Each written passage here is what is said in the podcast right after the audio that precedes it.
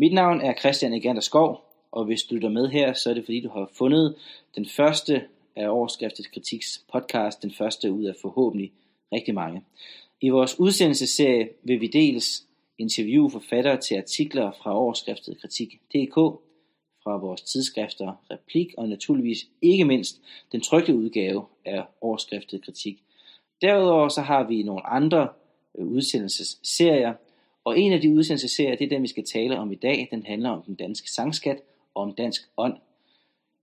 Bagmanden bag den, det er Johan Christian Nord. Johan Christian Nord, der er fast skribent på overskriftet kritik.dk og også hyppig bidragyder til overskriftet kritik og til replik. Johan Christian Nord, hvad er ideen bag det her initiativ? Ideen er at se nærmere på noget af alt det gode, der ligger og venter på os i folkets sangskattekammer. Øh, programrækken den kommer til at hedde Nordisk Morgensamling, og det gør den både af den øh, drilske lidt selvhenførende grund, at jeg jo hedder Johan Christian Nord, og er stolt af at hedde Nord til efternavn, og så også af den grund, at det er det egentlig nordiske, det skal dreje sig om. På den måde, som vi kender det. Altså det danske. Og det danske, det finder man i folkets savn og sange. Og her der er det så sangene, det skal dreje sig om. Så meningen med programrækken er, at hver enkelt afsnit handler om en sang fra højskolesangbogen, en fortælling ud fra sangen og en fortælling om det, der nu opstår i mødet med den sang. Det, der kan opstå, når folkets gamle sange får nyt liv i en ny tid, når de bliver til ord til os, om alt det, der også er vort, om hvad vi skal gøre med vores lille liv her på vores lille plet. Det er sådan den korte udgave af det, altså at forsøge at bruge de gamle sange til at beånde en ny tid. De her øh, gamle danske sange, man kan nogle gange kan man godt have den opfattelse, at de måske ikke står så stærkt længere, som de har gjort tidligere. Altså du kommer jo selv fra sådan et grundvisk miljø, eller befinder dig i hvert fald i et grundvisk miljø som valgmenighedspræst. Du har også haft en gang i højskoleverdenen, og du er rundet, vil jeg sige, af øh, studenterkredsen. Mm. Og der synger man selvfølgelig her sange, men sådan ude omkring synger man dem stadigvæk på i samme omfang, som man gjorde tidligere. Altså hjælper det, nytter det at appellere til den her tradition? Det er tydeligt, at for de yngre generationers vedkommende er kendskabet til sådan den egentlige rygstamme i, øh, i folkets øh, sangliv svækket. Der er øh, tydeligvis sanglyst derude, men der er ikke, af mit indtryk, så mange steder endnu, hvor øh, de klassiske sange bliver sunget. Og det er trist, for så kommer man glip af de erkendelser, der ligger gemt i dem og ligger og venter på at trænge ind i os, for de er jo skrevet til os. Det er vores sange. Så det er jo det, der er tanken med det her, at øh, man kan få lyst til at synge igennem at forstå, hvad de sange handler om. For det skal knyttes sammen, det her med, at man har lyst til at synge, at det er godt at synge i sig selv, det er det. Men det er særlig godt at synge noget, hvor det sungne bliver ord til en selv, ord fra vores forfædre, ord fra sågar folkeånden til os, om hvad vi skal stille op med det liv, vi deler med hinanden. Så det er jo sådan det opbyggelige håb i det her, at øh, begejstringen kan smitte, at, øh, at jeg kan være i stand til at fortælle levende om, øh, om de her sange, og om hvorfor de er værd at synge, og hvorfor det er værd at lytte efter, hvad det er, man synger, når man så får øh, lyden over læberne. Ja, altså jeg synes jo også, man må sige, det der med adskiller det her initiativ, som du har taget jo, så også for den måde, som man generelt går til det her med den danske sangskat, eller den danske sangtradition på. Ja. Fordi der har jo godt nok været sådan en, altså en øget opmærksomhed mm. om nogle af de her ting, du taler om. Altså det er godt at synge, man mm. skaber en fællesskabsfølelse ved at synge, og, og det er måske også godt for struben at synge en gang mm. imellem lige at få den, få den renset. Men når, altså for eksempel når der er sådan noget som syng dansk dag, altså hvad er det så for noget, man, man synger? Jamen det er, at i radioen så spiller de uh, ulidelige danske mm. popmelodier, så er der fællessangstævner, hvor man, hvor man synger det, det dårligste, dårligste og det ringeste, som man, man nu engang kan finde i højskolesangbogen, mm. og i skolerne, hvor de også har fået øjnene op for morgensang, jamen det er det jo også, altså, så synger de tykke gummikongen, boble, og de synger åge abe og sådan mm. noget, så, så der mangler lidt den her opbyggelighed, det her med, at det ikke kun handler om at synge et eller andet, men det handler om at synge noget bestemt. Ja, altså der, det gik jo så ilde, at der på et tidspunkt gik øh, Bongo og Å Abe i den. Ikke?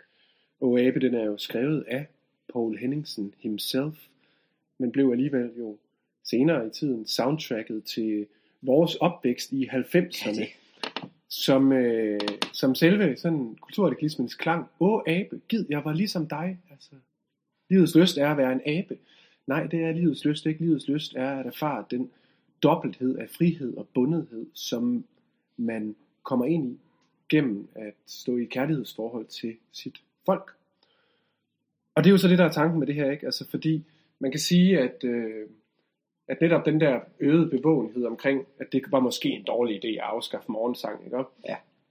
Det, der er man ikke, hvis vi nu skal bruge et fremmed ord, der er man ikke kommet længere til sådan en formal erkendelse, nemlig at det er godt at synge. Det er rigtigt nok, at det er godt at synge, men det det her handler om, det er jo egentlig ikke, det er jo ikke et program, hvor jeg, jeg skal jo ikke sidde og synge for, øh, for lytteren.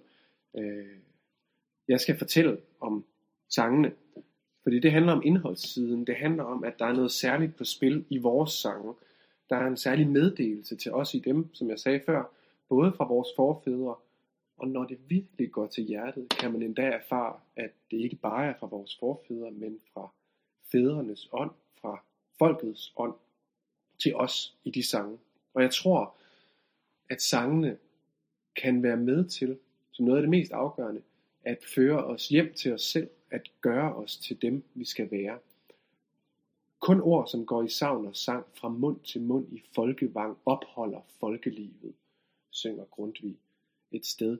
Og det tror jeg er sandt. Så det er det, der er meningen med det her, at, øh, at se, hvad, hvad man kan få ud af folkets sange i forhold til, til vores tid. Og ja, hvis man nu skulle være djævelens advokat over for dit projekt, mm. Jeg må jo erkende, at jeg her bare leger djævelens advokat. ja, Men, øh, men hvis man nu skulle være det, så kunne man jo øh, være fræk og sige, jamen de her sange her, folk synger dem alligevel ikke mere. Mm. Det er en ikke en død tradition, men det er en, en døende tradition. Mm. Ville det ikke være fornuftigere simpelthen at tegne skansen på en anden måde, og sige, at de her budskaber, der er i sangene, de kan også udtrykkes rationelt, fornuftigt, gennem sociologiske termer, videnskabelige termer osv., Ja.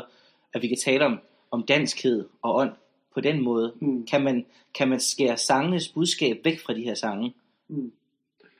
Altså, det er jo et af den slags spørgsmål, hvor man allerede kender svaret, når man stiller det, fordi man ved, hvem man har stillet det til. Og mit svar er naturligvis nej, for hjertesproget er vers og sang. Det var ikke bare noget, Kai Hoffmann fandt på i den danske sang af en ung blond pige.